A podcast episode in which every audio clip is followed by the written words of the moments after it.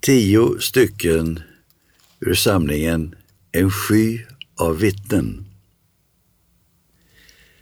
Långt inne i grottans mörker målade jag en bison på väggen medan kvinnan höll upp facklan.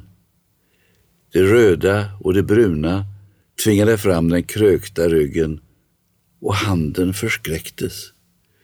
Djuret frustade till och sänkte huvudet mot mig. Dagen innan jag giftes bort stod jag på bron över Ojegava och hade svårt att andas. När dimman lyfte såg jag ett fisknät av bambu speglas i vattnet. När de vita kom till vår ö i vinden brände de våra hjälpsamma gudar och sagorna som gav oss rötter i våra förfäders mumlande mull. Det var en ojämn kamp om minnet. De skrapade ur våra skallar och fyllde på av sin sjuka historia. En som börjar med att de spikar upp sin gud på ett par korslagda brädor. Jag vill ta mig hem till vårt brända förflutna för att så i den feta askan. Igensnöat fönster och ensamhet är villkoren tio år efter Poltava.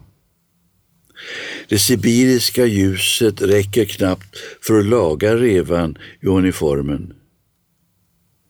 Det är ordet hem som får nålen att darra. Hedvig och barnen har blivit så glesa och gården så blekt att jag nätt och jämt minns. För att lindra smärtan tänker jag grått. Virket i huset som rister i blåsten, den avvoga himlen, ja till och med språket är trösterikt grått. Det som ännu minner om färg är det urblekta blå hos rocken i knät, det blekblå hos himlen över mitt avlägsna Södermanland.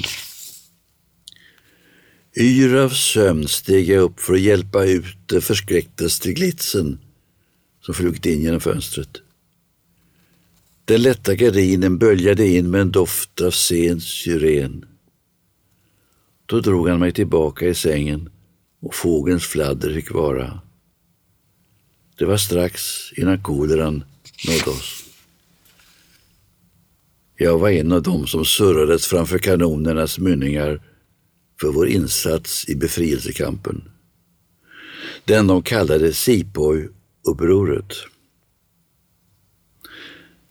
De skott som trasade sönder oss fortsatte bort genom åren och strök stycke för stycke av deras imperium. Det sista jag såg var den brittiska flaggan som redan förlorat det röda och blå, på väg och bli en fladdrande trasa, vit som glömskan. Mitt sista var ingenting annat än plågor. När cancern spritt sig till hela kroppen. Min son, som lät kalla sig kejsar Wilhelm, vägrade mig morfin i sitt hat. Allt han gick med på var att vakten slapp stå vid min dörr när karln inte längre stod ut med skriken.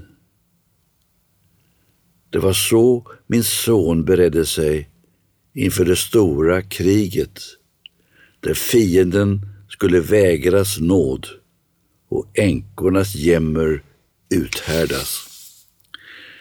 Det hände att jag profeterade, men bara om det förflutna. Jag varnade Caesar en morgon i mars och jag spådde att Alexandrias bokskatt skulle gå upp i lågor med Sappho skingrad bland flagorna. Jag förutsåg också min födelse en aprildag i familjen Kavafis och fanns på plats för att trösta min mor. Skylten på gränsstationen raderades, liksom det mänskliga, av den drivande dimman. Han höll mitt pass ett stycke ifrån sig som om det varit ett avföringsprov. Walter Benjamin, den höjda blicken. Han låtsades bläddra i en perm och gav mig med hänsyn till min hälsa en sista natt på Hotel de France. Jag stängde dörren bakom mig. Den var skev och borde lagas. Kusten vi lämnat är blekblå och flyter på en linje av ingenting. Den spottade ut oss som daddelkärnor. Sägs att det här är Lesbos och att ön en gång skapats av sång. I så fall en sång av sten. Den här stranden känns inte vid en flyendes fötter. Min pojke i sin värmefilt av metall försöker se ut som en spartan.